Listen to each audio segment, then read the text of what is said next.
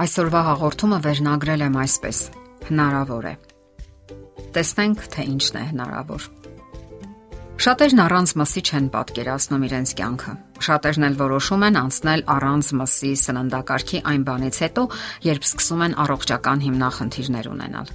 Իսկ փոփոխությունները, որոնք նկատում են իրենց կյանքում, ակնհայտ են Պարզվել է, որ առանց մսի սննդակարգի դեպքում դրական փոփոխություններ են նկատվում նաև քաշի առումով։ Մարդիկ դառնում են ավելի երանդուն, նվազում է սիրտանոթային հիվանդությունների ռիսկը։ Գոյություն ունեն տասնյակ այլ ծանրակշիռ պատճառներ։ Նշենք եւս մի քանի հիմնավոր դրական փոփոխություններ բուսական սննդակարգի արդյունքում։ Եվ այսպես։ Նվազում են բորբոքային գործընթացները Միսը, պանիրը եւ այլ խիստ վերամշակված սննդամթերքները բարձրացնում են օրգանիզմի բորբոքային գործընթացների մակարդակը։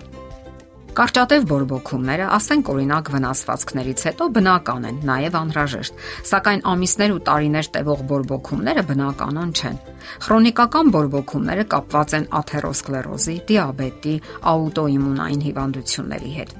ապացուցված է օրինակ, որ կարմիր միսը ուժեղացնում է բորբոքումները եւ կարող է քաղցկեղ հրահրել։ Իսկ ահա բուսական սննդակարգը առաջացնում է բնական հակաբորբոքային արդյունք, որովհետեւ հարուստ է բջջանյութով, հակաօքսիդանտներով եւ բուսական այլ բաղկացուցիչներով։ Բույսերը պարունակում են զգալի քանակի այնպիսի նյութեր, որոնք զգալիորեն քիչ են հրահրում բորբոքային գործընթացներ։ Հետազոտությունները ցույց են տվել, որ բուսական հիմքի վրա հիմնված սննդակարգի դեպքում օրգանիզմում նվազում է այսպես կոչված C-ռեակտիվ սպիտակուցի մակարդակը, որը օրգանիզմում բորբոքումների ցուցիչն է։ Հաջորդ պահը. Օրգանիզմում կտրուկ նվազում է խոլեստերինի մակարդակը։ Խոլեստերինի բարձր մակարդակը արյան մեջ սիրտանոթային հիվանդությունների եւ ինսուլտների գլխավոր գործոնն է։ Հագեցած ճարպերը, որոնք գտնվում են առաջին հերթին մսի մեջ, թռչնամսի, պանիրի, կենթանական սննդամթերքների մեջ, համարվում են արյան մեջ խոլեստերինի բարձր մակարդակի հիմնական պատճառը։ Հետազոտությունները ցույց են տվել, որ բուսական սննդակարգի անցնելուց հետո արյան մեջ խոլեստերինի մակարդակը նվազել է 35%-ով։ Շատ դեպքերում այդ նվազումը կարելի է համեմատել դեղորայքային նվազեցման հետ եւ մի բան էլ ավելին՝ առանց կողմնակի անցանկալի ազդեցությունների միշտ օգտագործելու դեպքում սատարվում է աղիքային առողջ միկրոֆլորան։ Մեր մարմնում ապրում են տրիլիոնավոր միկրոօրգանիզմներ, որոնց համակցումը կոչվում է օրգանիզմի աղիքային միկրոֆլորա։ Ավելի ու ավելի շատ գիտնականներ են ընդունում այն փաստը, որ այդ միկրոօրգանիզմները վճռական նշանակություն ունեն մեր առողջության համար ընդհանրապես։ Դրանք ոչ միայն օգնում են մարսելու սնունդը, այլև արտադրում են կարևորագույն սննդարաժնյութեր, մարզում իմունային համակարգը, այսպես կոչված միացնում եւ անջատում գեները, առողջ վիճակում պահում աղիների հյուսվածքը եւ պաշտպանում քաղցկեղից։ Հետազոտությունները ցույց են տվել նաեւ, որ դրանք որոշակի դեր են խաղում կանխարգելելու ճարպակալումը, դիաբետը, աթերոսկլերոզը, աուտոիմունային հիվանդությունները, աղիների բորբոքային հիվանդությունները, լյարդի հիվանդությունները եւ ահա բուսական սննդակարգն օգնում է ձևավորելու առողջ աղիքային միկրոֆլորան։ Բույսերի մեջ գտնվող բջջանյութը նպաստում է այսպես կոչված բարեկամական բացիլների աճին։ Իսկ ահա բջջանյութով աղքատ սննդամթերքները, որpիսիք են միսը, ձուն, կաթնամթերքը, նպաստում են հիվանդացին բացիլների աճին։